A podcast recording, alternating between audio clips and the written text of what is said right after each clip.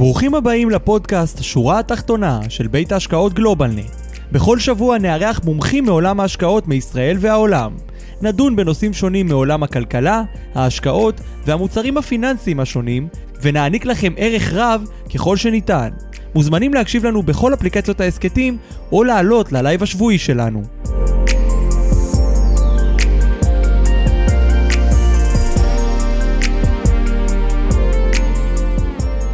שלום וברוכים הבאים בתוכנית השורה התחתונה, וובינר ההשקעות של גלובלנט, הנושאים הבוערים בעולם הפיננסי. כיף גדול שכולכם כאן איתנו לפרק נוסף, פרק מספר 113, אה, והיום אנחנו נדבר על אה, המיסים, ההטבות, אה, שלא הכרתם בהעברת עושר בין-דורית. אנחנו הולכים לדבר קצת על תכנון פיננסי, איך היום מתכננים העברה של עושר בין הדורות, איזה כלים מטיבים לנו אה, כשאנחנו רוצים לתכנן קדימה, איך נעביר את הממון שלנו גם כן לדור הבא.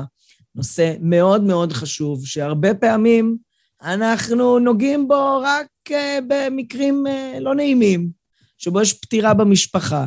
אנחנו מגלים שלא תכננו כראוי, אה, ולכן החשיבות, היתרונות שיש בהעברות עושר בין-דוריות, בטח ובטח כשנוגעים לעניין המיסוי, הוא קריטי, הוא משמעותי לכל משפחה. אז היום, אה, כמובן, אנחנו מדברים על אה, נושא שהוא מהותי לתכנון פיננסי, ולכן אנחנו נארח כאן את יוסי שי, מנכ"ל ומייסד טראסט, חברה לניהול עושר ללקוחות, ונארח כאן גם כן את רואה חשבון עורך דין אוהד בוגנים, אה, שהנה כבר נמצא על המסך, אה, לפרק באמת אה, מרתק עם מידע שייתן ערך עצום למשפחות שיודעות לתכנן נכון.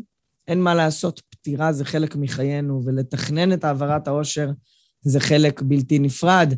אני אורן דוברי, מנהל השיווק, ואני כאן איתכם לפרק 113. אוהד, מה העניינים? מה קורה, אורן?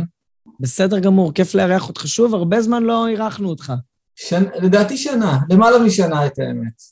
כן, נכון. זה איזה 40-50 פרקים, ועכשיו יש לנו אותך פעמיים, יש לנו אותך עוד הפעם בעוד חודש על מיסוי בנדל"ן. בשמחה. אז זו זכות גדולה, שלום יוסי, ערב טוב. אהלן, ערב טוב. כיף גדול שאתה כאן איתנו שוב. רגע לפני שנתחיל, כמו תמיד, חשוב לי לציין ולהדגיש כי אין לראות בתוכן השיחה תחליף לייעוץ או שיווק פנסיוני או שיווק השקעות או ייעוץ מס או המלצה בנוגע לכדאיות השקעה במוצר פנסיוני או פיננסי כזה או אחר, ואין לראות את הוובינר כהזמנה לפעולה אה, במוצר אה, כזה או אחר. המידע הוא לידיעה ואינו מהווה תחליף לייעוץ המתחשב בנתונים ובצרכים המיוחדים של כל אדם. אז היום תקבלו הרבה ידע, הרבה כלים, אבל בסופו של דבר, כמו תמיד, אנחנו מזמינים אתכם להיוועץ עם איש מקצוע, אה, מטעמנו או לא, שיכול להסתכל על הנתונים אה, ועל המשתנים ועל הצרכים של כל אדם ומשפחה ולקבל החלטות יחד. אז אני אוסיף מילה על המשך יולי. שבוע הבא אנחנו כאן עם אוהד וייגמן בניתוח שוק האשראי, בעיקר החוץ-בנקאי, וזו תקופה מאוד מעניינת לנתח את שוק האשראי, כי הנה הריבית היום עולה בעוד חצי אחוז. אה, מאז 2011 לא הייתה עליית ריבית אה, כזאת אגרסיבית.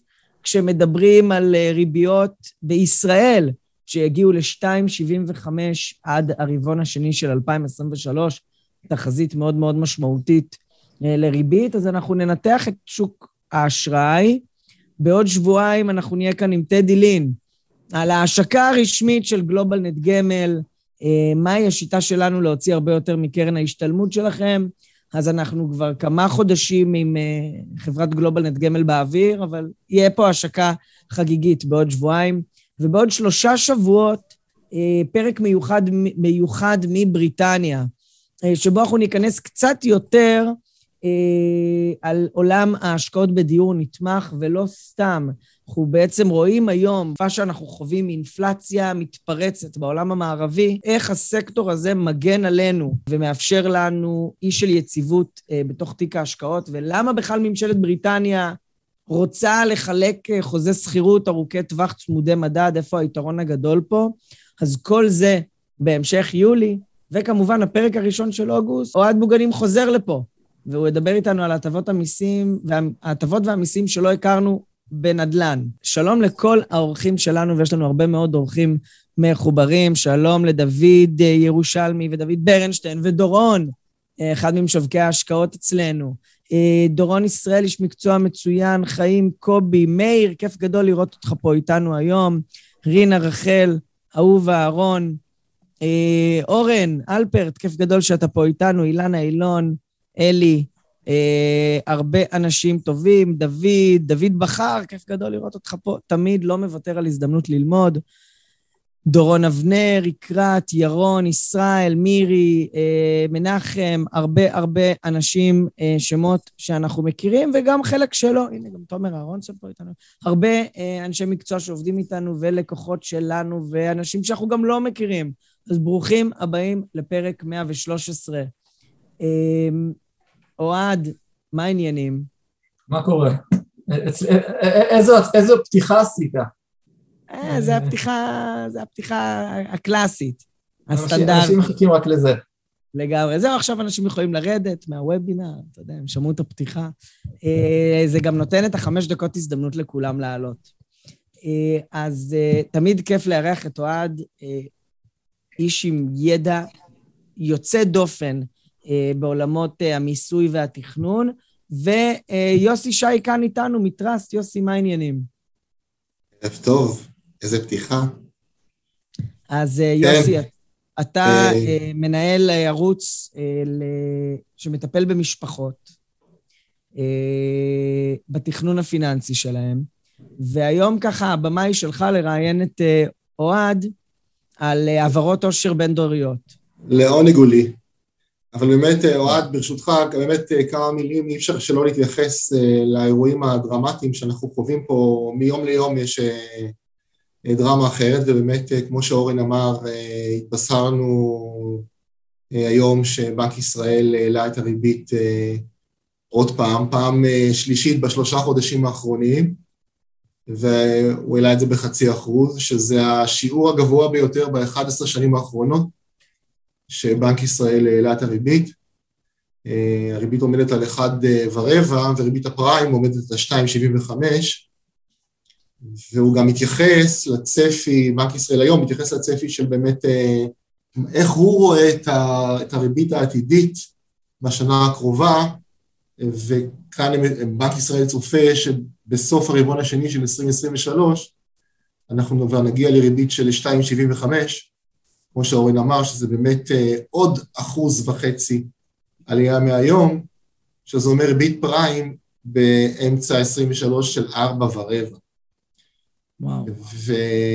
וזה, אנחנו כל הזמן מדברים על הנושא הזה, ובאמת אה, אוהד וייגמן מדבר על זה כבר שנתיים, על התהליכים האלה, והוא התייחס אה, שלמה צריך למכור את האג"חים בדיוק בגלל הסיבות האלה, שברגע שהריבית עולה, התשואה של האג"חים עולה, הריבית, השערים של האג"חים יורדים, כי בסוף יש מחיר, מחיר לפדיון באג"ח, והוא צריך להגיע למחיר הפדיון, יכול להיות צמוד מדד עם הריבית האחרונה, אבל המחיר הוא קבוע.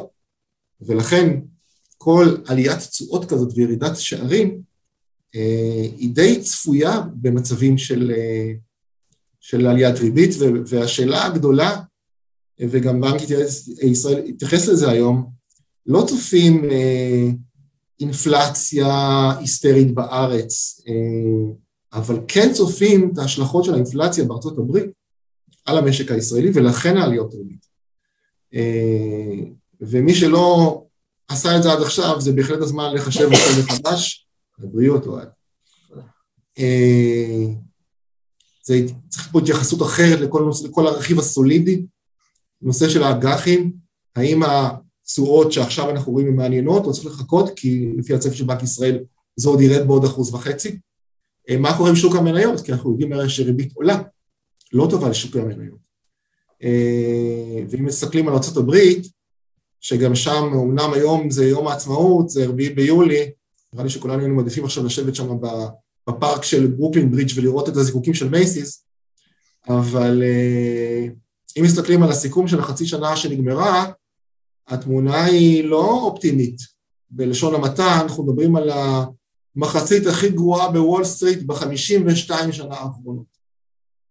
נראה לי שכולנו מרגישים... והיד עוד, אולי נטויה. נכון. נכון, זה בדיוק החששות. מה קדימה? אוקיי, זה החצי שנה הכי גרועה ב-52 שנה האחרונות, מה זה אומר? זה הזדמנות? זה לא הזדמנות, ופה באמת יש שלושה פרמטרים שנכנסים ואנחנו צריכים לשקול אותם, זה אחד, מה קורה עם האינפלציה? האם האינפלציה כבר מגולמת בשווקים, או שהיא עדיין עקשנית, והיא תמשיך לעלות מעבר לציפיות, כי כרגע אנחנו מדברים, השווקים מתנהגים בהתאם לציפיות, וחלק מהציפיות כבר מגולמות. השאלה אם הכל מגולם או לא הכל מגולם. זו השאלה הגדולה שכולם שואלים את עצמם, או האם השווקים ימשיכו לרדת בגלל שהאינפלציה תמשיך להפתיע. החששות ממיתון בארצות הברית, פה אנחנו כבר מדברים ממש על חששות שהם בהתחלה, לפני כמה חודשים, זה היה נראה כמו איזה, איזה סרט אה, הזוי, עם איזה תרחיש קטן שאולי יקרה, התרחיש הזה הולך ונהיה יותר ויותר ממשי. ועוד נושא שנכנס אה, חזק בתקופה האחרונה זה באמת אה, אה, מה קורה, מה יקרה עם רווחי החברות, כי יש צליחה בביטחון הצרכנים. אה, וברגע שיש צניחה בביטחון הצרכנים, אנשים צורכים פחות, ואז רווחיות החברות נפגעת, רווחיות החברות נפגעת, המחירים יורדים. זה אנחנו נתחיל לראות בעוד שבועיים, שיתחילו להתפרסם הדוחות של החברות לרבעון השני, ומעניין מה, מעניין לראות מה יהיה שם, כרגע הצפי הוא שלא נראה פגיעה בהכנסות ברבעון השני, אבל אה, זה בהחלט מעניין אה, לאן הנושא הזה הולך. אז זה ככה אני חייב להתייחס ברשותכם. גם הרביעי ביולי וגם uh, אירועי מקרו משמעותיים. רביעי ביולי, וכן, יצאנו ככה, מקלקלים את החגיגה עם, ה, עם הנתונים של החצי שנה האחרונה, אבל לא נורא, אנחנו כבר חווינו משברים בעבר, אנחנו פחות מתרגשים מזה מפעם. Uh, ובאמת, uh, uh, הנושא היום, uh, שאני מאוד שמח שעורך דין ועורך חשבון, uh, משרד uh, אוהד בוגנים ושות' עורכי דין מצטרף אלינו, אחד המומחים בתחום הזה. אני חייב להודות שהנושא הזה הוא נושא מורכב לא רק מבחינה כלכלית ומיסויית, אלא גם מבחינה פסיכולוגית. אולי היינו צריכים להביא, בנוסף, לא עד, גם פסיכולוג שיהיה פה. אה, יש פה החלטות שאנשים נמנעים מלקבל, הרבה מהם נמנעים מלקבל, למרות שתכף נראה כמה הם חשובים, וכמה חשובים בטח, בטח בתכנון פיננסי. וקראתי על זה מאמר אה, אתמול, שהכותרת שלו היה ילדים אל תריבו. זאת אומרת, אם עושים את זה מסודר, הסיכוי שהילדים יריבו אחר כך הוא הרבה יותר נמוך, שזה גם חלק, אמנם לא חלק כלכלי, אבל חלק מאוד משמעותי אה, אה, בניהול המשפחה. כמובן שככל שיש יותר נכסים, הנושא הזה הופך להיות יותר, יותר ויותר משמעותי, וכן, אנחנו ממליצים, בטח בפמילי אופיס שלנו, אבל אני חושב שכל מנהל עושר בארץ ובעולם, ממליץ לטפל בנושא הזה כמה שיותר מוקדם, כמה שיותר מסודר, להתמודד עם השאלות הקשות, אה, כי עדיף עכשיו מוקדם מאשר אה, מאוחר. אז אה, אוהד, בוא נתחיל, בוא נתחיל בדברים הכי בסיסיים, מהי בעצם העברה בין-דורית? תודה על ההקדמה, זה, זה דבר ראשון. כן, זו פעם ראשונה שאני, פעם שנייה שאני מופיע כאן, פעם קודמת הופעתי בכובע אחר כשותף של טל ירון אלדר, משרד נושאים הוביל, הייתי שותף שלה, אני יצאתי לעצמאות לפני שנה וחצי, וזו פעם ראשונה שאני בא בכובעי עצמאי כאן. אורן, אורן נגע קצת בהעברה בין דורית לגבי השאלה, שהעברה בין דורית היא לאו דווקא בירושה. קודם כל העברה בין דורית זה כל העברה של נכס מדור א' לדור ב', לפעמים גם לא, בלא מעט משפחות זה לדור ג' ישירות, כאשר המטרה באמת זה לשמר את, גם את ההון המשפחתי, את המבנה, uh, מבנה הון משפחתי, שמירה על נכסים המשפחתיים. למשל, אם יש הרבה נכסים, אתה לא רוצה שיגיעו לילד, לבנות בני זוג או, או ילד יותר בעייתי, אז למעשה אפשר לחלק את זה לשניים. אופן אחד כמובן זה מה שאורן אמר בירושה, שבעיניי לבוא ולעשות את, את חלוקת העושר בירושה זה, זה, זה מעשה שהוא לא, לא תמיד חכם בלא מעט משפחות. והחלק השני זה באמצעות מתנות, שגם גם, גם לנושא הירושה וגם לנושא המתנות יש פלוסים ומינוסים אה, אה, לכל אחד מהתהליכים. אה, אז איך, ו... איך, איך באמת אה, עושים את זה? איך עושים את ההעברה? אז יפה, תראו, באופן עקרוני, אנחנו במדינת ישראל חיים במדינה שאין לה מיסים לא על מתנות ולא על ירושות. בדרך כלל עולמות המיסים, מתנות וירושות הולכות יד ביד. למה למשל? כי אם למשל במדינה שיש בה מיסי ירושה, זאת אומרת בן אדם נפטר ומוריש, לא יהיה מס על מתנות, אז כל אחד עוקף מאוד בקלות את מתן המתנות. דרך אגב זה היה ככה בצרפת עד 2014, שהיה תיקון חקיקה, מתנות לא היו חייבות במס, עיזבון כן, ירושה כן. מה כל הנשיא, מה, מה, מה כולם היו עושים? היו עושים מה שנקרא מתנה בחיים. זה לא תקף לדין הישראלי, דרך אגב, אתה לא יכול... אה, אה, סליחה, אה, מתנה אחרי המוות. בדין הישראלי אתה לא יכול לתת מתנה לאחר המוות, אתה יכול רק להוריש, דרך של צבא או צו ירושה, אתה לא יכול להגיד, לאחר שאמות אני ארצה לתת לאדון יוסי שי את כל רכושי, אם אני רוצה לתת רכוש לאחר המוות זה רק במסגרת של אה, צוואה, או זו מסגרת אחת צוואה. אה, בצרפת פשוט אנשים היו עוקפים, זה נקרא מתנה לאחר המוות, אחר הפטירה, נותנים מתנות איך שנפטרים, זה כאילו מתקבל כמתנה. ולכן החקיקה של מתנות וירושה הולכים יד ביד. אה, ולכן היתרון בלהעביר היום מתנה בחיים שלנו במדינת ישראל אין מיסי ירושה זה להימנע בעתיד אם יהיה מס ירושה. אני מזכיר לכם מס עיזבון בוטל בשנת 81, אה, זה מאוד מתגבש בתיאוריה, יש המון תיאוריות מסוימות למה לא צריך לחול מס עיזבון. אה, כאשר התיאוריה רווחת אומרת שכבר שילמת מיסים פעם אחת אין סיבה שתשלם פעם שנייה. עם זאת, בכל העולם המערבי יש מיסי ירושה, חוץ, חוץ מהדמוקרטיה היחידה במזרח התיכון, שכאן אין. אה, האם זה נכון או לא נכון? אם אתם שואלים אותי, יש מקום כן למסות עיזבון, אה, ואומר את זה מי שמתפרנס מלשלם פחות מיסים. למרות שכבר אה, שילמנו כעיקרון את המס על כל מה שהרווחנו. נכון, אבל בדרך כלל עושר גדול נצבר ואנשים שהם בחתך סוציו-אקונומי מאוד נמוך, יהיה להם מאוד קשה לבוא ולהגיע, ליצור איזושהי שוויוניות. אז באמת כמו שיוסי אמר, שילמנו את המס פעם אחת, בחלק מהמדינות כמו ארה"ב, היום אתה לא משלם מס מעל, אה, אם יש לך נכסים עד 11.5 מיליון דולר. בצרפת או באנגליה למשל זה 360 אלף פעם. כאילו יש דיפרנציאציה עצומה בין המדינות. אה, ולכן היום יש לנו את מה שנקרא מכשיר המתנה בישראל, שניתן להעביר היום מתנה בחיים, יש לזה המון המון יתרונות, כמו שיוסי אמר, יש כאן את הנושא של, אה, של מניעת סכסוכים בעתיד, זאת אומרת שהיום אני יודע, סתם דוגמה שיש לי אה, עשרה נכסים, אני מביא לכל אחד מילדיי שניים, שלושה נכסים, מחלק היום, אין, אין ריבים בצבא, אנחנו מניח שזה יהיה בהמשך כל, כל התקלות שהיו כאן המשפחתיות. אה, יש כאן יתרון...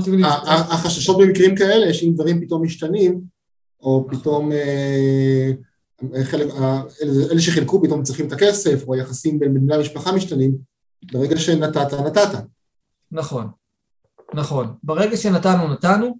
זה החיסרון, זה היתרון והחיסרון הגדול במתנות. אני אתן דוגמה על, על, על תקלה של, שנתקלתי בה. אה, יש את תכנון המס הידוע. יש, אנחנו תא משפחתי, משפחה אחת, יש לנו דירה שאנחנו חיים בה. ועכשיו אני רוצה לקנות דירה להשקעה. לי ספציפית אני ילד בגיר, אבל לחלקכם יש ילדים בגירים, ועורך הדין מוצא את, את ההמצאה הגאונית, בואו נקנה את הדירה על שם הילד. ברגע שאתה שנותנים מתנה לילד לקנות דירה, הדירה היא של הילד, היא בהכרח לא שלכם. כלומר, חס וחלילה הילד מחליט שהוא מנתק קשר, הדירה שלו נקלע לקשיים כלכליים, הדירה שלו היא לא שלכם. אה, אופציה אה, נוספת, שגם צריך להתחשב בה, כמו שיוסי אמר, בנושא של חלוקת עיזבון, תמיד צריך לזכור שיש לו דירה שרשומה על שם הילד. אז גם כשרושמים צוואה, צריך לקחת את הדירה שניתנה במתנה לילד כחלק מהחשיבה של העיזבון הכולל. כי מתנה היא סופית, כמו המוות, אבל מתנה היא סופית. אה, יש סרט שנקרא פירמה, שאומרים שיש שני דברים בטוחים בחיים, אה, אחד זה מוות והשני זה תשלום מיסים. משני הדברים האלה צריך לתכנן אותם נכון בשביל לא להגיע לשלב הזה. נכון, התכנון פה הוא, הוא, הוא מאוד מאוד חשוב באמת. נכון. ב... אה, טוב, אה, אה, מה אתה חושב לגבי הסיכוי שבאמת יהיה פה מס עיזבון בארץ? כי אני שומע דעות חלוקות לכאן ולכאן. תראו, יש, זה, בסוף מס עיזבון זה עניין, עניין פוליטי, בעיניי, זה עניין מאוד פוליטי. שוב, מס עיזבון מתקשר למס מתנות. אנחנו, לפחות אני, אני בחברה החילונית, אז מקובל לתת מתנות, זאת אומרת מתנות, אבל יש חברות למשל החרדיות, ששם מתנות זה חלק מהתרבות. זאת אומרת לבוא ו- ו- ולהטיל מס על מתנה, או מס על עיזבון שהוא מונהג, יש בדרך כלל ראש ישיבה שהוא מחזיק את כל הנכסים, זה למעשה פגיעה מאוד מאוד קשה במרקם החיים אה, החברתי, ולכן אני לא אומר ש... דרך אגב, זה לא רק החרדים שמתנגדים, זה עוד הרבה קבוצות לחץ והשפעה. בסוף ה... ה... ה... אנשים עם כסף מאוד מעורבים בפוליטיקה, ולראיה ניקח את טראמפ. אה, עד, עד, עד שטראמפ עלה לשלטון, אנחנו דיברנו על מס עיזבון במינימום של ארבעה וחצי מיליון, אה, אה, נכסים בערך בארבעה מיליון דולר. איך שטראמפ עלה לנשיאות, הוא הגדיל את, ה, את החלק הפטור מארבעה מיליון דולר היום ל-11 וחצי מיליון דולר. כי ה base שלו זה אנשים מאוד עשירים, הוא גם לא בן אדם שהפרוטה חסרה בכיסו, ולכן באמת הסף שם למס עיזבון עלה משמעותית, ואפקטיבית קראתי מחקר שרק 0.02% מאזרחי ארה"ב היום לפי החוק החדש משלמים מס עיזבון, וגם שם יש דרכים לצאת. אנחנו עוד שנייה ניגע באפשרויות של העברה בין-דורית, אבל אני, אני זורק כאן משהו שנקרא אה, אה, ירושה, אה, נאמנות, אבל אם אנחנו, יוסי, כמו ששאלת לגבי מס עיזבון והגענו לארה"ב איכשהו, ואז ברכות של, ליום העצמאות אה, כמעט שלנו, אה, נדבר עליכם כמשקיעים בארצות הברית, כי זה חשוב. תמיד לקחנו דוגמה כארצות הברית כמדינה שיש בה מס עיזבון, שמס העיזבון לא חל רק על אזרחים אמריקאים אה, או תושבי ארצות הברית, הוא חל למעשה על כולנו כמעט, או על כל הלקוחות שלנו, וכמעט כל מי שאנחנו מכירים. החוק בארצות הברית לעניין מס עיזבון הוא מאוד מאוד, מאוד, מאוד מאוד מאוד אה, אה, קשוח ומאוד מאוד דרקוני. מיסי עיזבון חלים בארצות הברית על אזרחי ארצות הברית, worldwide, זאת אומרת שאם אני אזרח בישראל אני חל, להבדיל מהמון מדינות, אני צריך לשלם גם מס בארצות הברית, אה, עוד שנייה יש גם עוד המון סוגיות מסביב, אבל גם אם אני לא אזרח אמריקאי ואני תושב ישראל ואין לי אזרחות אמריקאית ויש לי נכסים בישראל, בארצות הברית סליחה, גם אז, גם אז אני כפוף למס עיזבון בארצות הברית. איזה אחרי... נכסים למשל, אוהד? אה, סליחה? איזה נכסים למשל? ניירות ערך. יש לכם ניירות ערך של גוגל, אתם בחשיפה. יש לכם נכסי נדל"ן בארצות הברית, אתם בחשיפה.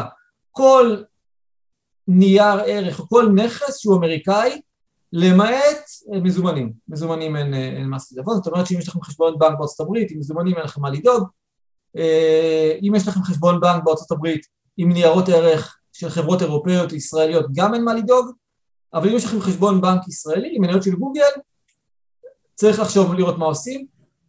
כאשר המיסוי מאוד דרקוני, למה? כי על כל דולר מעל 60 אלף דולר, כן 60, אנחנו מדברים על 220 אה, אלף שקל, אתם ממוסים ב-40 אחוז. זה אומרת, מספר, מספר מטורף, בטח לישראלי שלא רגיל לשלם מס כזה. אני יכול להגיד לך שאני הייתי 27 שנה בבנק הפועלים, בעיקר במערך הייעוץ של הבנק, והנושא הזה כל פעם עלה מחדש כשפתאום אה, לקוח נפטר ובאים היורשים שלו, ופתאום על מניות בארצות הברית הם צריכים לשלם 40 אחוז מס, הם, הם, הם בשוק, זאת אומרת אם היועץ לא אמר, אם אמר להם או לא אמר להם, הם לא, לא מאמינים שבכלל דבר כזה יכול לקרות, ואז אה, עולה השאלה האם באמת להשקיע באותן מניות לפני, עד איזה גיל, זה שאלות מהותיות שבדרך כלל מתכננים פיננסיים לא לוקחים אותם בחשבון. רובם זה. זה לא רק מתכננים פיננסיים, זה המון אנשים. ארה"ב זה ארץ, ארץ ההזדמנויות הבלתי מוגבלות, יש שם המון השקעות טובות, המון המון המון השקעות טובות, בנדל"ן וניירות ערך ונכסים. זה, למעשה זו כלכלה אני, היא כלכלה גדולה בעולם היום, ולכן אין סיבה שאנחנו כישראלים לא נשקיע שם בכלל. ונכון, וגם יש נקודה שאנחנו צריכים לשים לב, כשאנחנו מדברים על 60, על 40 אחוז מס, זה לא על הרווח. זאת אומרת, למשל, מחר קניתי מניות של גוגל ב-100 אלף דולר, יום לאחר מכן דרסה אותי רכבת, 40 אלף דולר הולכים לרשויות המס בארצות הברית. זה בהחלט מוריד את האטרקטיביות של רכישת אה, מניות אה, אמריקאיות בארצות הברית, בטח ובטח ללקוחות מבוגרים. נכון. אה, בנושא הזה יש פתרונות אחרים, כמו למשל ETFים, כי ב-ETFים אין את זה, נכון? אני צודק? נכון. זה בהחלט משהו שאני חושב שכל יועץ השקעות, מתכנן פיננסי, או בכלל כל משקיע, חייב לקחת בחשבון, באמת האם לקנות מניה כמו גוגל למשל, ולהסתכן ב-40 אחוז, כמו שאתה אומר, זה לא על הרווח אפילו. נכון. לא כמו בארץ, מס רכיבות של 25 אחוז. אז, אז אה, יש פה בהחלט אה, שיקולים שהם מורידים מאוד את האטרקטיביות של השקעה, בטח לקוחות מבוגרים בתחום הזה. נכון. יש, מה שקורה בדרך כלל, יש מניות עוקבות בבורסות אחרות, זאת אומרת מניה עוקבת גוגל, זאת אומרת סוג של, כמו שאמרת, תעודת סל, שהיא עוקבת ואז היא מדינה אחרת ואז באמת היא לא כפופה למס עיזבון. אה, כן יש היום שני פתרונות נפוצים אה, במדינת ישראל. הפתרון הראשון זה החברה המשפחתית. החברה המשפחתית אה, מאפשרת לנו שקיפות לצורכי מס, זאת אומרת שאני קונה, שאני מקים חברה משפחתית ואני קונה דרכה מניות, אז רואים את ההכנסה כאילו ממוסה באופן אישי שלי, זאת אומרת אם היה לי שם מניות ושכרתי בהן, אני אשלם 25% מס, זה אפשרות אחת, ואז הטענה אומרת שהבעלות בחברה המשפחתית היא למעשה יוצרת buffer להחזקה במניות בארצות הברית, יש המון חוות דעת בשוק שרצות על הדברים האלה, אה, כאשר אין, אין כרגע פסיקה בבית משפט אמריקאי מה קורה אם אני מחזיק דרך חברה משפחתית, אבל כרגע הפתרון עובד וישים. זה הפתרון הזול והפשוט, כאשר נקודה ספציפית לחברה המשפחתית שצריך לשים לב, אה, ניתן לאחרונה אה, פסק דין בעניין ביטוח לאומי, שרואים את רווחי החברה המשפחתית כרווחים חייבים בביטוח לאומי. ולכן כשאנחנו מציעים למישהו לבוא להקים חברה משפחתית, אם זה דרדס בין 25 שאין לו הכנסות נוספות, צריך לקחת בחשבון שאנחנו נשלם עוד ביטוח לאומי וביטוח בריאות. אם זה בן אדם שכבר אה, בגיל פנסיה שלא צריך לשלם ביטוח לאומי, אז שם זה יותר קל לשחק עם החברה המשפחתית, או למי שיש הכנסות גבוהות. זו אופציה אחת, שהוא בכל מקרה בתקרת הביטוח הלאומי. אופציה שנייה, שוב, גם אם האופציה הזאת היא יחסית עתירת מס, כי אתה משלם ביטוח לאומי על המס, זה מתווסף למס, למס רווח ההון, אתה עדיין מונע את ה-40% מכל הקרן, שהסכום הוא עצום. אה, והאופציה השנייה זה להקים נאמנות, נאמנות מסוג טראסט, אה, זה מה שאנחנו תמיד, אנחנו ניגע בזה, אני מקווה שנספיק יוסי ואני לגעת בזה בהמשך. לא נקשקש יותר מדי אז נגיע לזה, כן. אה, להקים נאמנות, שנאמנות זה אישות משפטית אחרת שהיא תחזיק במניות, זאת אומרת אה, מנתקים את הבעלות מהנכס מאותו, מאותו אדם, וכתב נאמנות אנחנו אה, ניגע... תכף נגיע, למנויות, רק אוהד ברשותך, אם מתחילים להצטרף פה שאלות, אתה רוצה שאתה תענה תוך כדי? זאת אומרת, להקריא אותם ותענה תוך כדי או בסוף? מה, מה שאתה מעדיף. בוא, נתחיל, כי זה, אני חושב שזה רלוונטי. אין בעיה. דוד שואל, האם מס עיזבון בארצות הברית חל גם על ניירות ערך שנרכשו ומוחזקים בבנק בישראל? כן, כן, כן, זה כל נייר ערך. אה, דוד, יש כאן, הפתרון, הפתרון הפרטאץ' זה לבוא ולהוסיף מורשה נוסף בחשבון. בדרך כלל שיש מורשה נוסף, בן הזוג או בת הזוג, אתה תמיד יכול לטעון ש-50% משויכים לבן או בת הזוג ולכן לא חייבים במס עיזבון. בפועל מה שאנשים עושים, שוב, זה, זה לא נכון ברמה המשפטית כי צריך לשלם מס עיזבון אם מי שנפטר יש לו, יש לו ניירות ערך, זה אנשים פשוט מוכרים את, מוכרים את התיק ברגע הפטירה. זה לא חוקי, כי צריך לשלם מס עיזבון, בן אדם נפטר, אבל, אבל זה מה שאנשים עושים. אה, זה לא, זה פתרון, שוב. זה... רגע, אוהד, אני רוצה לחדד את הנקודה כן. הזאת עוד פעם. אם יש שני בני זוג בחשבון, ואחד מהם נפטר והשני נשאר בחיים, כן. מה קורה אז? הטענה שלנו אומרת ש-50% מהניירות ערך בכל מקרה שייכים לבן הזוג השני, כן. ולכן הם לא כפופים למס עיזבון. בפועל מה שעושים... איזה 50 אחוז? אולי הישראלים? האמריקאים? לא, לא, 50 אחוז מהניירות הערך האמריקאים. אוקיי. אה, כי 50-50 בחשבון. אוקיי. והטענה השנייה זה מה שאנשים עושים רגע לפני הפטירה, פשוט מוכרים את כל ניירות הערך האמריקאים באותו רגע וזהו. שיודעים שזה מגיע... בהנחה שיודעים שזה מגיע, ויש להם זמן וראש להתעסק עם זה. נכון, נכון. בהנחה שיודעים שזה מגיע. בקיצור, חבר'ה, טיפ חשוב לפני שחס וחלילה הולכים לזה, קודם כל, תמכרו. נכון, או... אני צוחק כמובן. נכון, או אה, פשוט לדבר עם אה, היועץ השקעות, ולהגיד אני רוצה נייר עוקב. נייר עוקב של גוגל, נייר עוקב של מייקרוסופט, או כל נייר עוקב אחר. ברגע שיש... אני חושב שהפתרון הזה הרבה יותר ריאלי. זאת אומרת, אה, לא נתחיל להסתכן, עוד פעם, זה גם תלוי בגילאים כמובן. אבל אנחנו מייצאים ללקוחות שלנו ללכת על ניירות עוקבים, כי אתה אף פעם לא יכול לדעת מה יקרה. ולמה לקחת את הסיכון? באמת 40 אחוז, כמו שאמרת, זה לא 40 אחוז מהרווח, זה 40 אחוז מהיתרה, וזה סכום מטורף. אה, עוד כמה שאלות שמתייחסות פה, אה, האם מס עיזבון חל על אה, ניירות ערך אמריקאים שמוחזקים בקופת גמל תחת תיקון 190 IRA? תראה, באופן עקרוני, הניירות ערך הם לא שלך, בדרך כלל IRA זה לא שלך, זה שייך לקופת הגמל. אוקיי. Okay. אז, אז בדרך כלל גם נתיב משתמשים, אני חושב שה-IRA עושים את זה בצורה קצת אחרת. צריך לראות אה, אה, איך זה נעשה, בדרך כלל זה דרך פידרים. אתה לא בהכרח קונה ישירות. אבל באופן okay. אוקיי. עקרוני, אם זה, אם זה קשור לנכסי העיזבון, אז כן, זה חל. זה אמור לחול, לפי הדין האמריקאי. זאת אומרת, אם קניתי את מניית גוגל ב-IRA, אני נכון. גם כן 40 אחוז מס. נכון. אוקיי. Okay. בפועל מה שקורה זה שלא רואים את זה. כי זה מוחזק דרך מיטב או כל, או כל, או כל, אה, כל, כל חברה אחרת. אבל באופן עקרוני כן. Uh, עוד שאלה של יגאל, מה לגבי חברות בשותפויות שנותנות אשראי בארצות הברית? הכל. וולקנוס, CCF, קרנות של IBI. כל, כל נכס, לא, דקה, קרנות של IBI זה משהו אחר. שוב, uh, יש כאן איזשהו דיבור למבנה השקעה ספציפי. קודם כל צריך להבין מה מבנה ההשקעה. Okay. אבל אוקיי. באופן עקרוני, אם זה נכס בארצות הברית, כן. הלוואה שאתה נותן לגוף אמריקאי, ככל הנראה זה לא, כי זה הלוואה מישראל. אבל אם אתה מחזיק בזכות אמריקאית, אז כן. ברמה okay. אוקיי. המאוד מאוד פשטנית. שאלה נוספת, אני, אה, אם אני אזרח אמריקאי ומחזיק תיק השקעות בארצות הברית וגם בארץ, כן. האם, האם גם אני אחויב ב-40% מס? בדרך כלל אזרחים אמריקאים יש, התקרת פטור שלהם של 11.5 מיליון דולר, זאת אומרת שאם אתה מתחת ל-11 וחצי, באופן עקרוני לא. אני לא יועץ מס אמריקאי, אני מתייעץ, יש לך רואה חשבון, תעשה איתו שיחה קצרה, גם צריך לראות, לבדוק את המאפיינים שלך באופן אישי, אבל ככלל אזרח אמריקאי זכאי ללימיט של 11.5 מיליון דולר.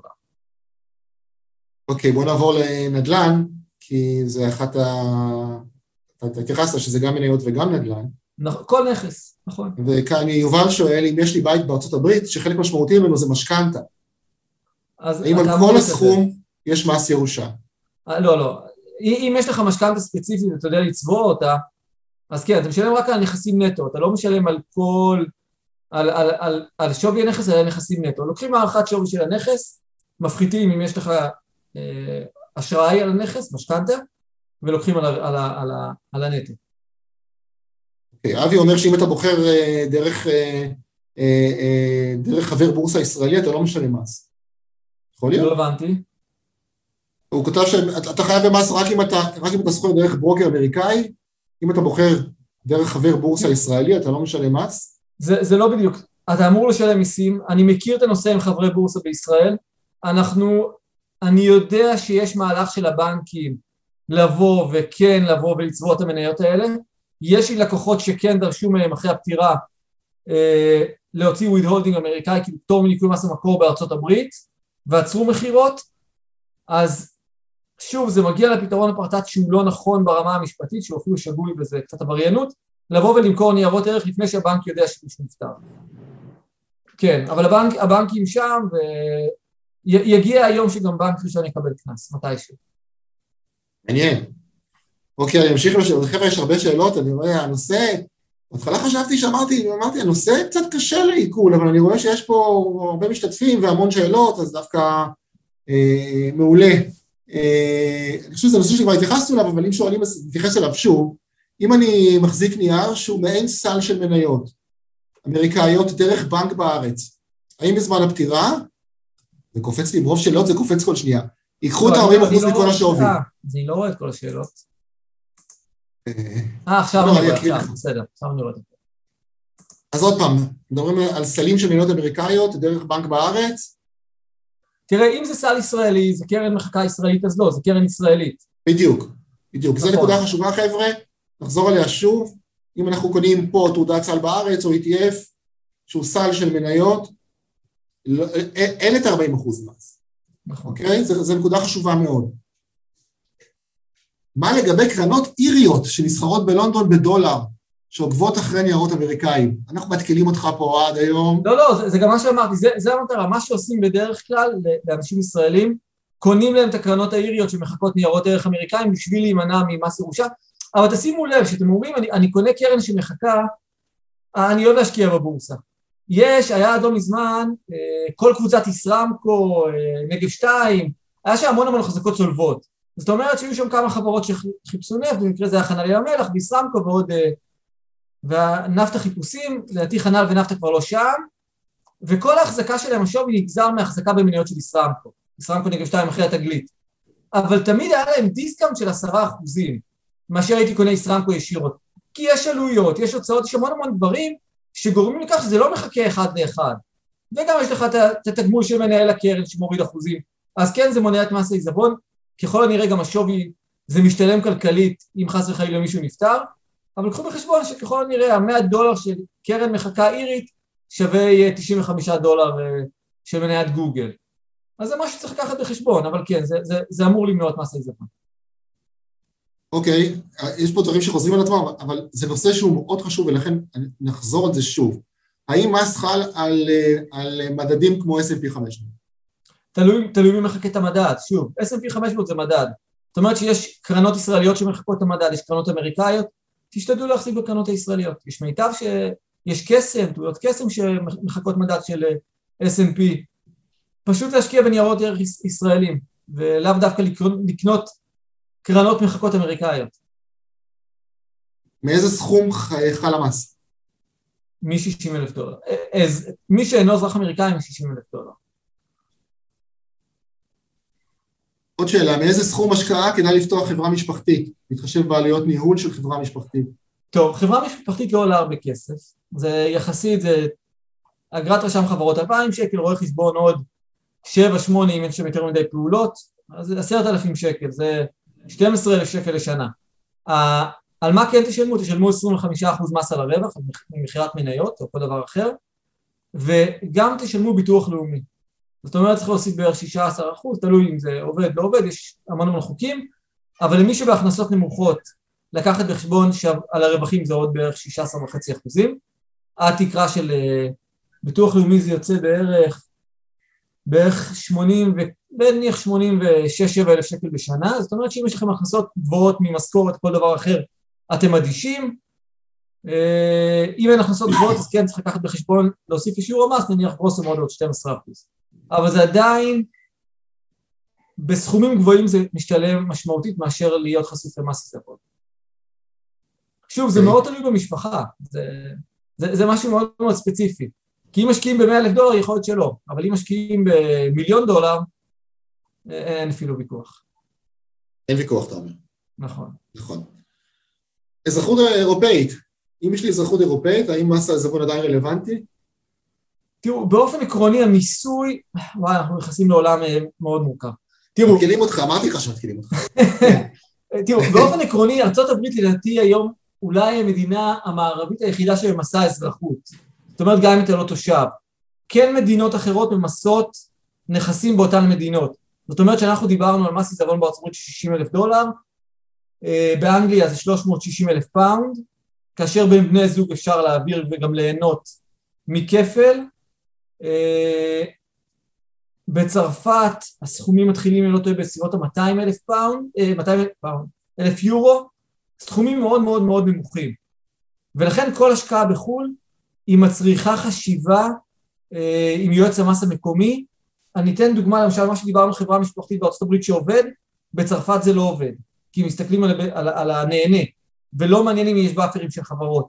יש גם exceptions, ולכן היום שאני באמת בונה מבנה מס עם השקעות בחו"ל, יש לי יועץ מס מקומי שם שנותן את כל האינפוטים, כי אי אפשר לשלוט בכל החוקים, זה לא, לא הגיוני.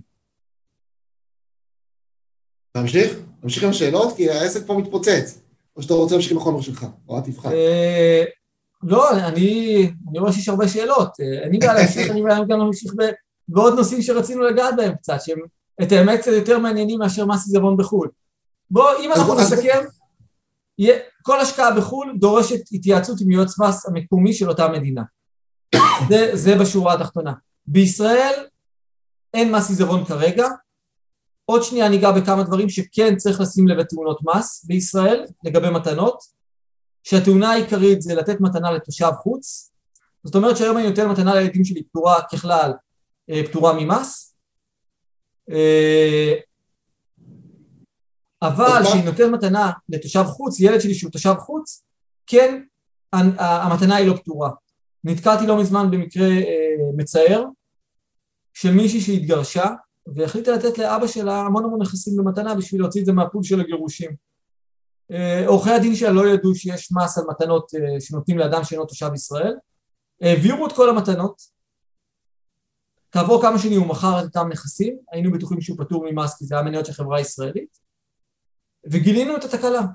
למעשה היינו צריכים לחזור אחורה קרוב לשמונה שנים, לבוא לרשות המיסים להגיד, תקשיבו, זה טעינו, היינו צריכים לדווח ולשלם מס, להימנע מכל ההליכים הפליליים, כי על אי דיווח, על אי דיווח, זאת אומרת אי דיווח על, על הכנסה, אה, וחטפנו קנסות, אה, העיקר לא, לא, שלא היה פלילי, כי באנו מיוזמתנו, אז צריך לשים לב לנקודה הזאת, שאם יש מעורבות של תושב חוץ, צריך ישר להיוועץ עם... עם זו נקודה מאוד חשובה מה שאתה אומר, ומה קורה כשזה הפוך? שאני מקבל מתנה מתושב חוץ ואני תושב ישראלי? נכון, אז במקרה שכזה רשות המיסים יש, יש לה כאן איזושהי אה, אה, עמדה מאוד מקלה. העמדה אומרת שתושב ישראל שמקבל מתנה מתושב חוץ, עושים לו מה שנקרא step-up. מה זאת אומרת step-up? אנחנו מדברים מתנות, קודם כל מתנות מחוץ לישראל. כן. ה step-up אומר שרשות המיסים אומרת אני לא רוצה למסות פעמיים. כלומר, אם נניח תושב החוץ נותן לי מניה של גוגל, אה, זה, מישהו אמריקאי נותן לי מתנה מניה של גוגל, אז אין ספק שבמועד מתן, מתן המתנה הוא היה צריך לשלם מס בארצות הברית. ואם אני הייתי קונה ממנו, אני לא הייתי צריך לשלם מס על הכל, אני אקנה את המניה בדולר והיום שווה 100 דולר. אז לישראל אף פעם לא הייתה טענה שמא ההפרש בין המאה, היום שנתן איתו מתנה ליום הקנייה חייב במס בישראל, כי הוא לא היה חייב במס. ולכן אפשר לבוא ולבקש מה שנקרא step, זאת אומרת שיום שקיבלתי את המתנה, זה העלות שלי ביום שאני אמכור. זאת אומרת שפתאום, לאחר שקיבלתי בשווי 100, אני מוכר ב-110, אני אשלם רק על ה-10. אני לא אשלם על כל ה-109. כאן יש, פונים לרשות המיסים, מבקשים step-up, זה הליך די, די, די פשוט. בקיצור, מסקנה אם אתה ישראלי, קבל מתנות ואל תיתן. תיתן מתנות לישראלי אחר. אבל לתושב חוץ רק, רק תקבל, אל תיתן מתנות. דווקא זה פוזיציה נוחה. אני מצטער, אני לא יכול, יש בעיית מיסוי, אני יכול רק לקבל מתנות מחו"ל. אני מסכים, אבל יש, על מזומנים דרך אגב כרגע, מזומן כרגע הטענה הגורסת שאין בעיה להעביר לתושבי חוץ, כי אין כאן רווח. זאת אומרת, שימו לב שהפטור הוא רק על הרווח. זאת אומרת שאם נניח הבאתי סתם דוגמא לתושב חוץ מניה שקנית אותו במאה והיום היא שווה 90, נתתי לו משהו שאני הפסדתי, ולכן אה, אתה לא תשלם על הרווח. זו נקודה מאוד חשובה באמת. אוקיי. מה עוד אנחנו צריכים לדעת, אוהד? תראו, יש, כשאנחנו מדברים על העברה בין דורית, אנחנו תמיד דיברנו על צבא ומתנה. יש אה, אפשרות, מנגנון נוסף, שבדר... שלא רק משפחות מאוד עמידות עושות אותו, זה מה שנקרא להקים נאמנות, זה נקרא טראסט. כן. אנחנו קיבלנו פסק דין מזעזע אה, לפני שבוע בעליון, תיק שהצגתי במחוזי לפני שעזרתי, שהקמתי את המשרד העצמאי, אבל uh, הנאמנות זה אישות משפטית שיש אפשרות לבוא ולהעביר נכסים עוד בחיים, עם צד ג' שהוא למעשה הבעלים של הנכסים, והוא פועל לפי הנחיות היוצר. אני אתן דוגמה אה, קלאסית שהייתה לי, נאמנות שהקמתי לפני בערך חודשיים, אה, משפחה, משפחה מבוססת, לא מאוד עשירה, יש להם אה, שלוש, ארבעה ילדים, שלושה ילדים כשירים, ועוד ילד אחד שהוא נקרא לזה מתקשה, הוא בתפקוד גבוה אבל יש לו קושי מסוגלות עם כסף. ההורים הקימו עוד בחייהם נאמנות ששם הפקידו שם סכום כסף יפה של אה, כמה מיליוני דולרים, שהסכום הוא לטובת האח, האח המתקשה, והנאמנים, יש נאמן חיצוני שהם העסיקו, אני ספציפית עובד עם, עם IBI, אבל יש לנו נאמנים אישיים או גם בני המשפחה יכולים להיות, והם למעשה מקיימים לכל אורך הדרך את מצוות ההורים. זאת אומרת, לדאוג לו למגורים, לדאוג לו לתמורה חודשית קבועה, אה, והעיקר לא להעביר לו את הכסף, כי יודעים שאם אתה מעביר לו את הכסף היום לא יהיה כסף, כי הוא, הוא באמת בן אדם מאוד מאוד תמים.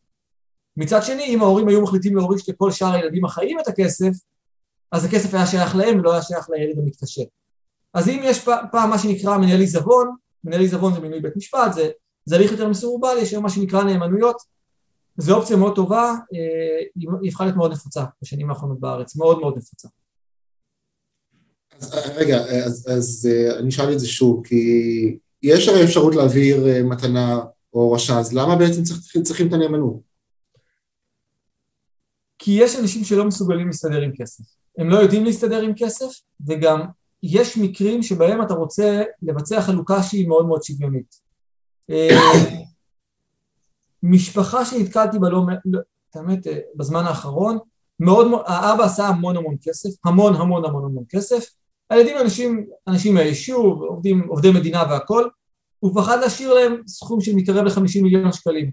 הוא אומר, אני, אני רוצה לדאוג להם לרווחה כלכלית, אז הוא לקח את כל הכסף הפקידי בידי נאמן מסודר, ואמר כל חודש אני רוצה שלכל אחד מהילדים יגיע עשרת אלפים שקל בנוסף למשכורת שלו, כל שנה יהיה איזה בונוס שנתי, אבל אני גם רוצה לדאוג לנכדים שלי. זאת אומרת שכל נכד שיגיע לגיל 18 יקבל סכום, יגיע לגיל 30 ניתן לו דירה, וכן הלאה וכן הלאה.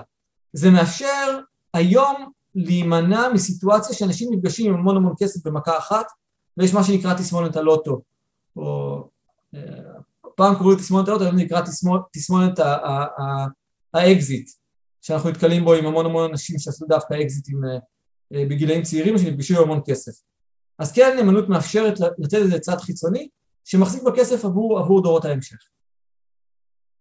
כמובן שיש לזה עלויות כלכליות, אבל זה מתגמד לעומת היתרונות הגדולים שזה. אה, יש אמרה אולי שאולי תסכם את הכל, ב, ב, בעולם הנאמנויות האמריקאי, זה בא מהמשפט האמריקאי והאנגלי, יש, זה נקרא sleeveless to sleeveless in three generations. המשמעות שזה כסף, במידה שהוא לא מנוהל, תוך ש, שלושה דורות הוא מתחסל. זאת אומרת, אני הכנסתי יפה לביתי, עשיתי סכומים מאוד גבוהים, ככל הנראה, אם הנכדים, ש... הנכדים שלי יפסידו את הכל, אם לא תהיה התנהלות. מטרתם של הנאמנים זה לדאוג לאותה התנהלות. ופה גם אפשר כעיקרון להעביר את הנאמנות בכמה דורות, ולא רק בדור אחד כמו רשע או מתנה. נכון. יש לי משפחה של לקוחות שארבעה אחים הקימו עסק לתפארת, באמת, זה עסק שכולכם מכירים, אחד האחים נפטר במפתיע והיה לו בן אחד, הוא ירש. היום בכניסה לבית של הבן, אני ספרתי חמ... חמש מכוניות, שכל אחת מהן זה בערך השווי, זה, זה, זה, לא, זה מתקרב לשווי של דירה מאוד מאוד יפה באזור המרכז. זה מה שקרה עם הכסף. המזל הגדול שהוא השאיר את הניהול לאחים האחרים שלו, אה, לאח אחד שהוא מאוד מאוד דומיננטי. מה לגבי, אה, האם אפשר להקים נאמנות אה, רק במהלך החיים או גם אחרי זה? כן, כן, נאמנות, תראו, נאמנות יש שתי, שתי אפשרויות הקמה, אחת זה במהלך החיים, עוד, עוד בחיינו להעביר את הכסף לנאמנות, אפשרות אחת, אפשרות נוספת על פי צבא. כאשר העדיפות, שאם אתם שואלים אותי מה עדיף, זה להקים נאמנות בחיים, לקבוע מנגנון של... קודם כל, זה, מי, מי נמצא בנאמנות? יש נאמן, נאמן זה גורם חיצוני שהוא מחזיק בכספים והוא עושה דברו של, ה, של היוצר, מי שהקים את הנאמנות. זאת אומרת שיש הסכם מאוד מאוד מסודר, עם, עם הוראות מאוד מסודרות, מה לעשות עם הכסף ואיך, אה, ויש יש מה שנקרא מגן הנאמנות, ואפשר גם למנות ועדה משפחתית שהיא מחליטה איך להשקיע. זאת אומרת, מגן הנאמנות מפקח על פעולתו של הנאמן, רואה שהכל מסתדר. ועדה משפחתית יכולה למשל להחליט שאת הכסף משקיעים ב family office או בנדל"ן או בכל דבר אחר. הדוגמה המובהקת של נאמנות שהוקמה לאחרונה זה המשפחת שטראוס. שלמעשה העבירו את כל, ה, את כל ההחזקה במניות למעשה לנאמנות שמחזיקה. אני לא טיפלתי בזה, אני לא מכיר את, את, את הסודות למה זה, זה נמצא, ככל הנראה לפי העיתונות זה בשביל להימנע ממס עיזבון שרץ בכמה מערכות בחירות האחרונות, זאת אומרת להעביר כבר היום ונאמנות היא לא אישות ולכן היא לא כפופה למס עיזבון. אה, יש מדינות דרך אגב שזה כן מכפיף אותם למס עיזבון, למשל צרפת. אה, ובאמת להעביר את רוב הנכסים בשביל להימנע ממס עיזבון עתידי שהיה אמור להיות בישראל, או שציפו. בפועל זה לא, לא התקדם לשום מקום. עוד שאלה שעולה בנושא הזה, אחרי זה נתייחס לשאלות האחרות, אה, האם אין סכנה שהנאמן ייקח, ייקח את הכסף ויעלם? אה, יש, כן, קודם כל כן, נתחיל בזה. אה, תמיד יש סכנה, אתה יודע גם, יש סכנה אם, אם, אם בנק יכול לקח, לקחת כסף ולהיעלם, אז כן, עשו את זה לא מזמן. אני בתור, אז הייתי נער עם אתי אלון, אז אני זוכר טוב מאוד שמישהו עשה את זה. היום שאנחנו משקיעים בכל מיני קרנות, אני לא אזרוק שמות כדי לא להשחיר חס וחלילה, אבל אני לא יודע אם הכסף נמצא שם או לא נמצא שם. זאת אומרת שאין לי מעקב אחרי חשבונות הבנק, למעט חשבון מנוהל אצלי. אבל, ולכן זה תמיד קיים. מה שכן אני יכול להגיד לכם, שבנק פותח חשבון נאמנות, כבר בפתיחת החשבון אתה חייב להגיד מי הנהנה. הנאמן הוא רשום כבעלים של החשבון, נהנים זה יהיה פלוני אלמוני, יוסי אוהד, וכל הצעה של כסף שהיא לא אליי או ליוסי, הבנק שואל שאלות, תסביר לי למה אתה מוציא, למי אתה מוציא, מה זה ההסכם הזה, תראה לי בהסכם נאמנות, זאת אומרת שהבנק עושה בקרה, בקרה על הכסף, בכל מקרה. וכן, צריך למנות נאמן שהוא נאמן ראוי, אה, אם אתם נותנים למישהו מהרחוב אז בוודאי. מי שהתחילו המון המון עם הנאמנויות זה, זה IBI, פתחו חטיבה של נאמנויות, זה טרסטי ממש, אה, שזה גוף ממוסד ראשון לדעתי בארץ היום. אה, טל ירוק גם מחזיקה בחברת נאמנות. אבל זה בהחלט נראה עוד אחד מהתחומים שרק ילכו ויתפתחו בשנים הקרובות. בוודאי. זה, זה, זה, לא, זה, זה כבר עכשיו הפך להיות uh, משהו יותר ויותר נפוץ, uh, כי אנשים, כסף, כמה שהוא דבר טוב, הוא גם עלול להיות מזעזע שאתה לא יודע להתנהל איתו. ולכן יש הבנה כזאת. יש המון המון uh, משפחות שהפסידו הון, הון תועפות על, uh, בגלל חוסר הבנה ונאמן די פותר את הבעיה הזאת. אז אם אני רוצה לסכם את הנושא של הנאמנויות, יתרונות, חסרונות של נאמנות, שוב, כסיכום מועד. יתרון זה הפרדה, בואו נתחיל ביתרונות הגדולים. אה, קודם כל הפרדה רכושית לחלוטין, זאת אומרת שגם יש אנשים מחוץ למשפחה. אה, הנכס נשאר בנאמנות והוא פועלים לפי הנאמנות. אה, נאמנות שהקמתי לפני כשנה, בן אדם מאוד מאוד עשיר, התחתן עם מישהי שהיא פחות עשירה ממנו. המשפחה שלו התנתה בהעברת הכסף אליו בנאמנות, ולכן יש שם נאמנות שהוא הנהנה היחידי. אשתו לא זכאי, היא לא נהנית בנאמנות. כן, יש הסדרים של חלוקת הון בעתיד, אז זה אחד. דוגמה נוספת זה כניסה של נושים, זאת אומרת, אה, אנחנו נותנים נכסים לילדים, חס וחלילה ילד מסתבך, באים הנושים ולוקחים לו את הכל, נאמנות אי אפשר לגעת בה. יש סיטואציה שכן אפשר לגעת בה על פי חוק, זה תשלומי מזונות ומיסים, ואם בית המשפט ראה, ראה את הנאמנות כמכשיר שהוא הברחת נכסים, אז כן, זה הגנה על, על ההון המשפחתי, זה, יתרון נוסף, ושמירה כמובן על החוסים שדיברנו מקודם, ושמירה על ההון אה, באופן כללי. חסרונות, עלויות, אבל כשאנחנו מדברים על, אה, גם עלות של 100 אלף שקל נניח לשנה, אני סתם זורק סכום, לתת למישהו שהוא לא אחראי 100 אלף שקל מתבזבז תוך יומיים בקניון, אה, או בכיכר המדינה, אז אני חושב שעלויות בטלות ב-60, במיוחד בסכומים גדולים. בהחלט מעניין, ובאמת, כמו שאתה אומר, זה תחום שיש פה הרבה עניין של חינוך שוק ומודעות, וברגע שיותר ויותר אנשים יבינו את היתרונות של הדבר הזה, אני חושב שבטח בלקוחות עם סכומי כסף גדולים, זה הדבר הזה ממש מתבקש, כמו שאתה אומר, מכל כך הרבה כיוונים, נכון. התחום הזה. אה, עוד משהו שאתה רוצה להתייחס לגבי הנאמנויות, או שנקריא כבר שאלות? תראו, נאמנויות אפשר לפתוח הרצאה שלמה על נאמנויות, אבל זה באופן כללי, אה, כן, זה, זה בעיקרון הנקודות העיקריות. אה, הנאמנות, יש בה המון המון, אספקטים, גם נישואים, אבל מאוד משפחתיים. אני לא יודע אם שמעתם, אבל התפתח לזמן הנכון פרקטיקה של פסיכולוגים, שלמעשה מלווה משפחות נקרא, פסיכולוגים ועובדים סוציאליים, שהם מלווים את המשפחות יד ביד, לוקחים אותם לעורכי דין, לוקחים אותם לרואי חשבון, לבוא ולעשות הסדרים בעתיד, הם מתכננים פיננסים, אז אה, זה משהו שנהיה בזמן האחרון להיט, ולדעתי זה, זה יותר ויותר... אה, שאם אתה שואל, יש איזשהו ניצול ציני של אותו פסיכולוג, שאתה יודע, יש כאן חיסיון אה, עם מטופל, אבל טוב, זה נשגב. כל, הנושא, כל הנושא הזה גם, חלק, חלק מהאנשים, קשה להם להתמודד עם השאלות האלה. זאת אומרת, זה...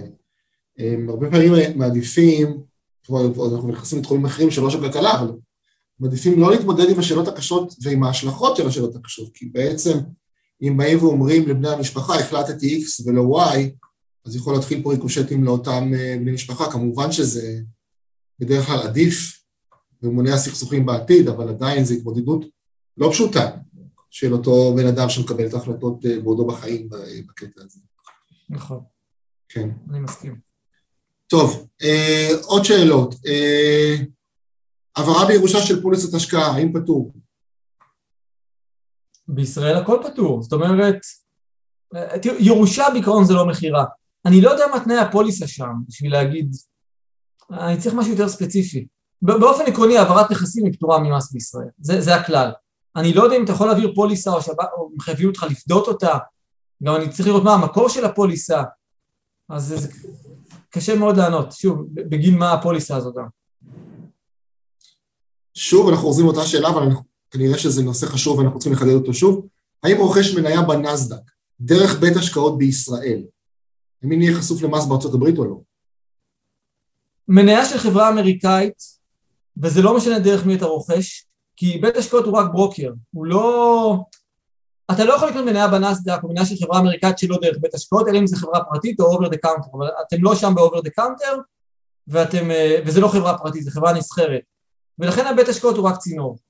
באופן עקרוני כן, שוב, ה, ה, כיום אין אכיפה אמיתית סביב רכישת מניות. ולכן אף אחד לא אוכף את זה. אז מאוד מאוד קל, גם רשויות המס בארצות הברית כנראה גם לא רוצות יותר מדי להפעיל עודף רגולציה, אבל באופן עקרוני זה חייב במס. בפועל אין אכיפה אמיתית. דרך אגב, אזרחים אמריקאים אה, הם מגישים דוחות והכל, אז, אז שם אתה, אתה מחויב לדווח. אני אתן לכם דוגמה שלנו מהחיים שלנו, יש מס יסף, כולם מכירים אותו. תושב חוץ מוכר נכס מסחרי בארץ, צריך לשלם סתם דוגמה 25% ומס יסף 3%. בהנחה שהכנסתו מעל 640 אלף שקל בשנה. היה לו בשנת המס הכנסה. בפועל תושבי החוץ לא מגישים דוח. זאת אומרת, הם צריכים לשלם מס בישראל, אבל הם לא משלמים. עוד רגע הולך לתיקון חקיקה בחוק מיסוי מקרקעין שמאפשר לגבות את המס יסף הזה. אבל כרגע, עצם זה שאתה לא דיווחת או שילמת, זה לא אומר שאתה לא צריך. ו- ו- וזה שני, שני ה... זה מתקשר לגבי הבית השקעות הישראלי. טוב, אה, כאילו, על פי חוק צריך לשלם מעל 60 אלף דולר. אוקיי. אה, נושא שהתייחסת, אבל שוב, אם אני נותן מתנה אה, לבני בסכום נכבד, איך אני יכול למנוע מגרושתו לעתיד לשים יד על זה? או, תראו, זה, זה כאן, כאן זה מה שדיברנו לגבי, העברה הבין-דורית. יש קושי מהותי לבוא, אני לא עורך דין של דיני משפחה, אני נתקלתי בהרבה המון מצבים, אה, מצבים. תראו, באופן עקרוני הסכם ממון די סוגר את הפינה של הפרדה רכושית, אם יודעים לשמור עליו כמו שצריך. זאת אומרת שאני התחתנתי עם אשתי, אין לנו הסכם ממון, אבל נניח והיה לנו הסכם ממון, ואמרנו שכל אחד יש את דירתו שלו, ויש עוד דירה אחת של אשתי, יש לה שתי דירות נניח. ואנחנו חיים בדירה שלה, ולמרות הסכם הממון נוצר עירוב בשימוש בנכס, אז ביום שאני אלך לבית משפט, בית המשפט יבוא ויסתכל מה כן עירבנו נכסים, זאת אומרת עשינו פעולות באותם נכסים ביחד, אז רואים את זה כנכסים משותפים, אנחנו לא מדברים על שנתיים שלוש, אנחנו מדברים על 15 שנות נישואים. ומה שלא עשינו שיתוף נכסים, זאת אומרת שבאמת ידענו לשמור על הפרדה רכושית אמיתית, שם מאוד מאוד קל להגיד שזה הנכס שלו וזה הנכס שלה. ולכן גם כשנותנים לילד מתנה מאוד מאוד משמעותית, צריך לדאוג שלא יהיה עירוב נכסים, למשל אם למשל הבאנו לו בניין שמפיק 100 אלף שקלים בחודש, והכל עובר לחשבון שלו בלבד, ויש להם חשבון משותף ששם כל חודש הוא שם את העשרת אלפים שקלים, אז אין ספק שיש כאן הפרדה רכושית מלאה. זאת אומרת, החשבון בנק והבניין זה שלו, וידוע שהוא שם מקציב למשפחה עשרת אלפים שקל כל חודש. אבל אם פתאום כל הכסף מהבניין עובר לחשבון המשותף, ויש כרטיס אשראי משותף, והם משלמים שם הוצאות אה, משכנתה והוצאות כאלה וכאלה וכאלה, בית המשפט יגיד גם הבניין שייך לבת הזוג לאחר כמה שנים. אה, הדרך להימנע, שוב, נאמנות היא די מנתקת מנכס, מעולם הנכסים, ויש שתי דרכים להימנע, או שמחליטים לשלם הרבה כסף, או שאומרים הילד שלי מספיק בוגר, נתתי לו מתנה, שהוא יתמודד עם הצרות שלו, זה צרות חיוביות, וזהו. שבעיניי ב-99% מהמקרים זה הדרך הנכונה. או לא לתת מתנה, פשוט מאוד. אה, יגאל שואל, אזרח אמריקאי יכול לתת מתנה בשווי של רק 16 אלף דולר בלבד, ללא דיווח וללא מס. האם יש אפשרות עקיפה חוקית? תראה, אני, קודם כל אני לא, אני לא יועץ מס אמריקאי, זה, זה אחד. יש לי המון המון לקוחות שמשקיעים בארצות הברית, וזה הכל מידע כללי. תראה, אזרח אמריקאי יש לו allowance, זאת אומרת, אזרח אמריקאי יש לו קאפ של מתנות שהוא יכול לתת, שמה שאמרנו זה תמיד הולך עם מס הירושה. זאת אומרת שאנחנו מסתכלים על 11.5 מיליון דולר, אני מסתכל גם על המתנות שלו, וגם, אה, וגם על, על הירושה. זאת אומרת שאם נתתי בחיי מתנה של 5 מיליון דולר, בירושה שאני אמות אני יכול לתת, הפטור שלי יהיה עד 6 מיליון דולר. אני גם מסתכל על השאלה של אבי אבי. אבי אבי, אה, הוא שאל אותנו אם אני, האם, הוא, האם ארה"ב יש לה אינטרס למסות משקיעים שהם זרים? כן, קודם כל כן.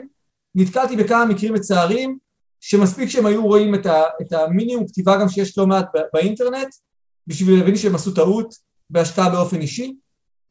אה, יש לי חבר שהוא מייעץ להשקעה לאנשים בארצות הברית, אמר, הוא משווק, סוג של משווק השקעות בארצות הברית, והוא היה מודע לדבר הזה, ומישהו איכשהו הגיע אליו, אמר, אני רוצה להשקיע בארצות הברית. בן אדם בן 76, הוא שם את הכסף, כעבור שנתיים הוא נפטר. הוא השקיע שם 150 אלף דולר, הוא שילם 40 אחוז. כי צריך לשים לב, אה, לשים לב לנקודה הזו, שאתה משקיע בארצות הברית, נכס שנמצא בארצות הברית, כמו LLC או, או, או נכס מקרקעין, רשויות המס בארצות הברית יודעות על קיומו ומחזיקות אותו. לגבי השקעה בברוקר ישראלי, שוב, אתה לא משלם מס כי הברוקר כרגע לא דרש ממך. נתקלתי במקרה אחד שמועד הפטירה שכן באו ודרשו את זה. בסדר? אה, אני לא אכנס כאן לוויכוח, זה החוק. אתה משקיע בניה בארצות הברית, קח בחשבון שזה ה... זו, זו, זו, זו, אה, זו הנקודה. אה, אה, כולם אומרים... אוהד, אנחנו... זמננו עבר עברנו את שמונה. כן. אנחנו נצטרך לסיים פה. לפני שאורן נסכם, אז אתה יודע, אנחנו מכירים כבר די הרבה זמן, ואני תמיד נפעם מהידע הרחב שיש לך בתחום. היו פה שאלות מכל מיני כיוונים, התקילו אותך בלי שהתכוננת, מהמון המון דברים, ופשוט אה, הידע שלך באמת הוא רחב, ואני חושב שעזרת ותרמת פה לכולנו, אז אה, תודה רבה מבחינתי, ואני כמובן, אה, אנחנו בטראסט קפיטל נעזר בך ובידע הרחב שלך. אה, אורן, הבמה שלך. אז אה, באמת, אה, אוהד, המון המון תודה. אני חושב מרתק לכל הצופים, המון שאלות, המון המון המון שאלות, שזה מראה את העניין של כולם. אז קודם כל, תודה רבה, אוהד. תודה לכם, תודה על האירוח, תודה יוסי. יוסי, תודה גם לך yes. על האירוח היום, על ההצטרפות. אנחנו גם כן נראה אותך עוד הרבה בקרוב. ולכל הצופים שלנו, אני עכשיו שם לכם אה, לינק בצ'אט. מי שרוצה להיפגש ולשמוע יותר על הנושאים שדיברנו עליהם היום, או בכלל, אה, לתאם פגישה עם יוסי, עם אוהד, בכל נושא או אחר, להיוועץ איתנו, מוזמן להשאיר פרטים בלינק ששמתי בצ'אט אה, עכשיו, כמו תמיד. אה, אז תודה גם כן לצופים שהאזינו והקשיבו. אה, אוהד, יוסי, תודה על פרק אה, מקסים, נפלא, מרתק. תודה. וחג אה, ויום עצמאות אמריקאי שמח. תודה, תודה רבה. אה, אז לכל הצופים שלנו, היה כיף גדול אה, שהשתתפתם. אוהד, נתראה בעוד חודש בפרק הבא. בשמחה, בשמחה. ביי. אז תודה לכל הצופים שלנו שהצטרפו פעם נוספת, יש לנו את הצ'אט ואת ה-Q&A, אז בצ'אט שמתי לכם את הלינק להיפגש עם איש מקצוע מטעם גלובלנט ולדון בנושאים כאלה או אחרים, וכמובן, אם מעניין אתכם הפנייה לתכנון של העברת עושר בין-דורית, אז כמובן שאתם מוזמנים לפנות אלינו אה, בלינק או בטלפון 054-611-1601, גם בוואטסאפ. כמובן, להשאיר אה, פרטים באתר וכדומה, ואנחנו תמיד שמחים ליצור קשר עם כולם. אה, ולסייע. אז שיהיה המשך שבוע מצוין, אני מקווה שהפרק הזה נתן לכם ערך משמעותי. ניפגש שבוע הבא עם ניתוח שוק האשראי. אה, אוהד וייגמן יעביר את הנושא הזה, ותודה רבה לכל מי שהשתתף. עד כאן, כל טוב.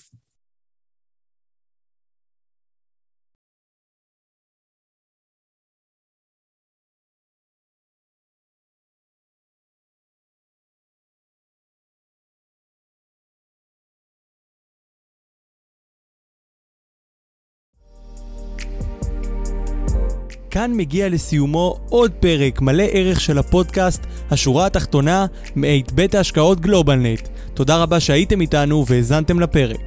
אתם מוזמנים לבקר אותנו באתר האינטרנט שלנו globalnetil.com, לעקוב אחרינו בעמוד הפייסבוק שלנו GlobalNet Investment House וללחוץ לייק כדי לעקוב אחרינו. כל הפרקים של השורה התחתונה זמינים בערוץ היוטיוב של גלובלנט. להתראות בפעם הבאה.